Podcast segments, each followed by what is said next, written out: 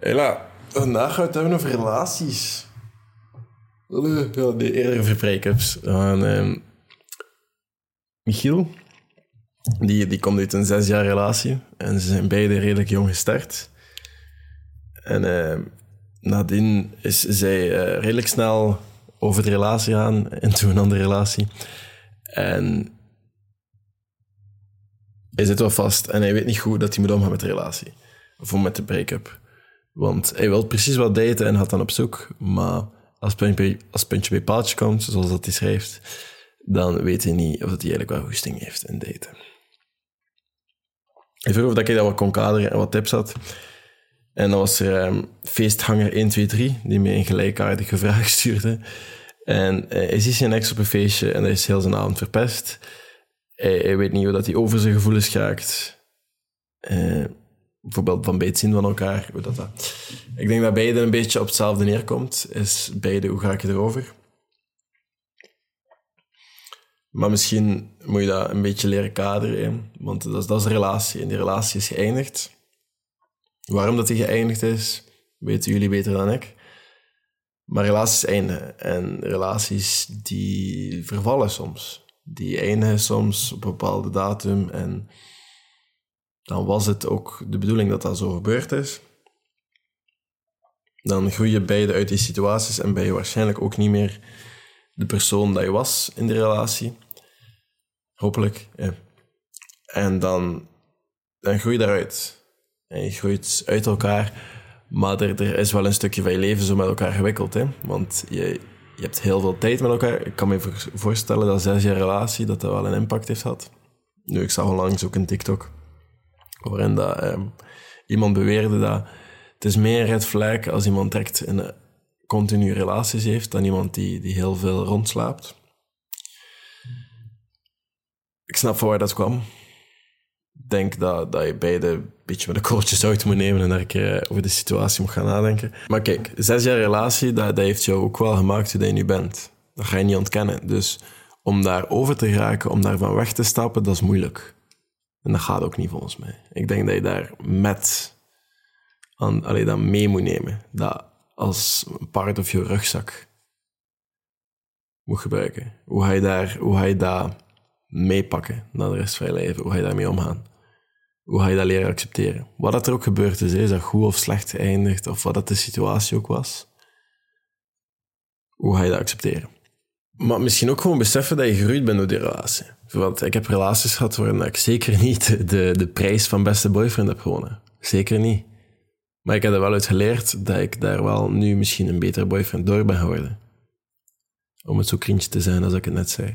Zwat, dat heeft mij wel zo te accepteren dat dat jou misschien wel een betere persoon maakt nu, door heel dat dat gebeuren gedaan is en dat dat helpt jou af te sluiten. Want in sommige relaties gebeuren er ook dingen dat dat gewoon niet meer verder gaat. Dat, dat stopt.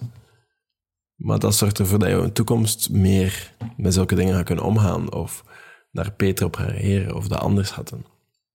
Dus daar volledig overgaan? Nee. Dat accepteren dat dat een deel van jou is en dat je daar beter door geworden bent. En hopelijk dat je daaruit geleerd hebt. Dat wel. En dat is op een manier erover geraken. Maar laat mij wel even heel duidelijk zijn. Je neemt die persoon niet mee. Je neemt die ex niet mee. Je neemt de activiteiten die gebeurd zijn. De gebeurtenis neem je mee hoe dat, dat jou veranderd heeft, wat je daaruit geleerd hebt, dan neem je mee. De persoon die laat je achter. Maar wat er gebeurd is, dan neem je mee.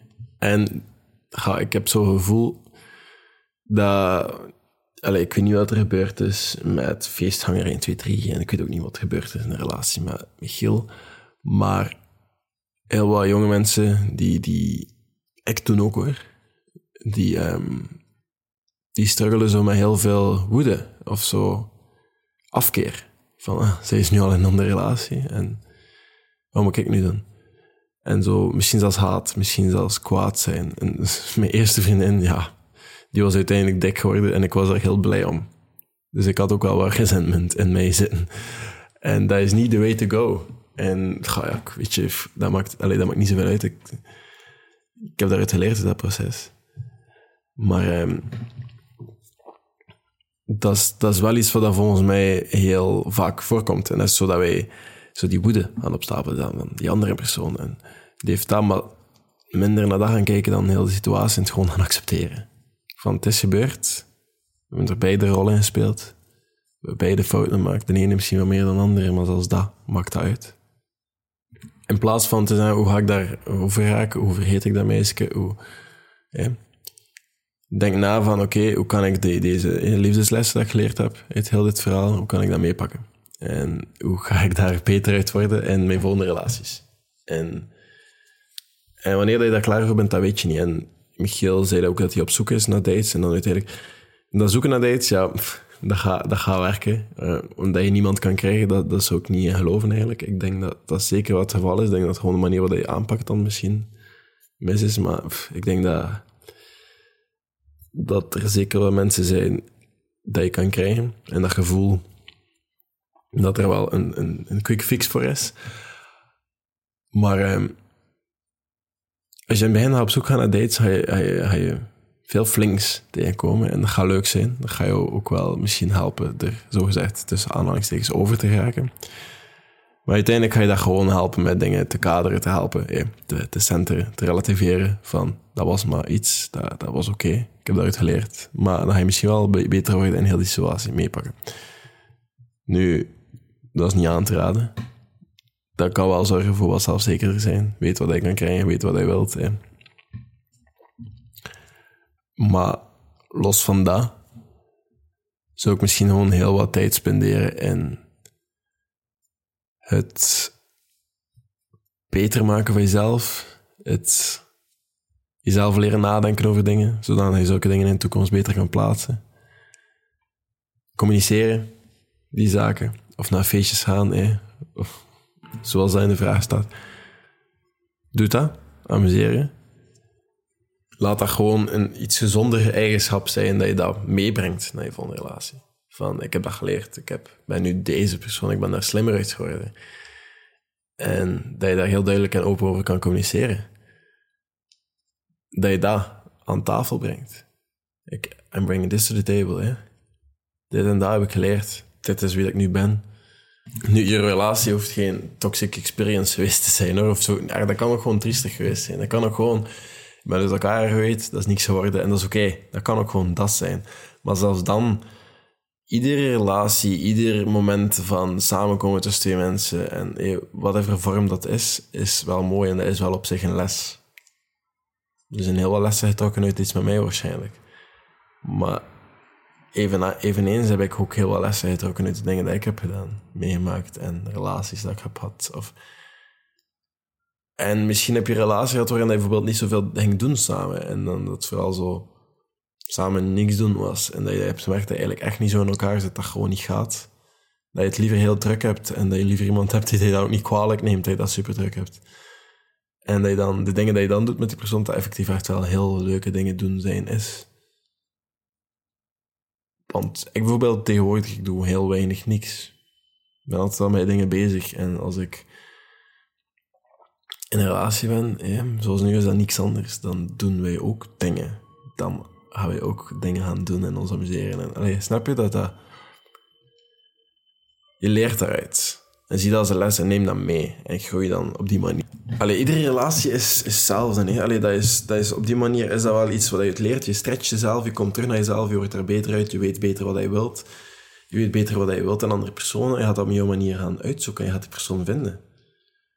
Maar dat leer je puur door ervaring en weten dat, dat die relatie moest daarin zitten. Je moest daarin gezeten hebben, je moest daaruit leren en je moest dat... Dat moest zo gebeurd zijn, ook al zie je dat meisje heel raar, denk je dat je heel verliefd was op dat meisje. Kan misschien zo zijn, maar dat gaat nog gebeuren. Ik ben daar heel zeker van eigenlijk. En dan denk je van, oké, ja, wat, wat doe ik nu? Ik ga nooit meer iemand kunnen krijgen. Met die ingesteldheid denk ik dat dat ook niet het geval gaat zijn. Maar dan kom ik terug op al de andere van mijn adviezen dat ik zo geef, is leer jezelf te geloven in jezelf. En dat doe je door dingen te doen dat je zegt dat je gaat doen. Als je zegt, ik ga sporten alle dagen, ik ga je naar mezelf dan dat effectief doen, dan ga je iedere dag dat geloof geven in jezelf dat je ook effectief doet wat je zegt dat je gaat doen. Als je zegt, ik ga nu dat doen, dat je dat ook gewoon doet. Als je zegt dat je nu sporten gaat, netwerken met mensen, nieuwe mensen leren kennen, je jezelf gaat opbouwen. Meisjes gaan ook nooit onder hun niveau gaan zoeken. Hè? Allee, dat is zoiets cliché dat ze zeggen, maar... Ik zal eens om over na te denken. Nu, ik denk als jij... Dat je dat, allebei... Allee, dat je gewoon tijd moet geven. Dat dat niet iets is dat je zo... Ah, ik ben erover. Dat dat soms ook langer duurt. Dat je, dat je daar wel even mee bezig gaat zijn. Dat er wel even in kop gaat zijn. Dat je even... Wat, allee, ik kan me wel voorstellen, zes jaar. Ik heb zelf nog nooit zo'n lange relatie gehad. Dus ik kan me dat niet echt voorstellen. Maar ik kan me wel inbeelden dat dat wel een serieus deel van jouw leven was. En dat jouw leven nu wel helemaal anders is, plots. Ik weet niet hoe, hoe hard jullie relaties gemengd waren en hoe extreem dat geval was. Maar dat, ik kan me daar wel iets bij voorstellen dat dat een serieuze aanpassing is. En dat heeft tijd nodig. En dat, is, dat gebeurt niet in 1, 2, 3. En ook daar, wat ga ik nu doen? Wat zijn mijn routines? Wat zijn mijn schema's? Wat zijn, wat zijn de dingen die ik belangrijk vind om te doen? Waar moet ik tijd in steken? En vind jij daten nu echt belangrijk? Want je zegt, wil ik dat wel? Ja, wil je dat wel? Misschien is dat nu op dit moment ook niet nodig. Ik denk dat je dat voor jezelf moet uitmaken. Nu, dat is in, in kort iets... Als ik moest antwoorden op deze vraag, dan dacht ik dit... Stel, ja, je komt die tegen op een feestje en dat verpest heel je avond. Dan laat je dat ook gewoon heel je avond verpesten. Hè? Ik snap van waar hij komt. Maar dan laat je dat heel je avond verpesten. Het is niet zij dat je avond verpest. Je laat dat gebeuren je avond. Je kan daar ook gewoon heel vriendelijk goeiedag tegen zijn. En je kan verder gaan en daar niet echt mee bezig zijn. Dat is makkelijker gezegd dan gedaan. I know. Maar ik denk dat gewoon op een positieve manier benaderen en zeggen: Oké, dat, is, dat is zo geweest. Ik heb daar dingen uit geleerd. Hè? En ik neem dat verder naar, naar de toekomst. En ik kan daar nog altijd hallo tegen zijn. Ik kan er altijd vriendelijk tegen zijn. Hè? Ik hoef daar geen vrienden mee mee te zijn. Hè? Dat, dat hoeft niet, in mijn ogen. Maar ik kan daar wel uit verder groeien, volgens mij. En ik denk dat je nog altijd zelf kiest wie dat energie vergt uit je hoofd en wie niet. Dat is, dat is de podcast van vandaag. Hopelijk heb je er iets aan gehad. Als je er niets aan gehad hebt, misschien de podcast van morgen wel. Maar dat was het. Laat een keer een vraag achter op de website, zodanig dat ik meer van deze podcast kan maken. En dan zie ik jullie morgen met een andere podcast. Tot later.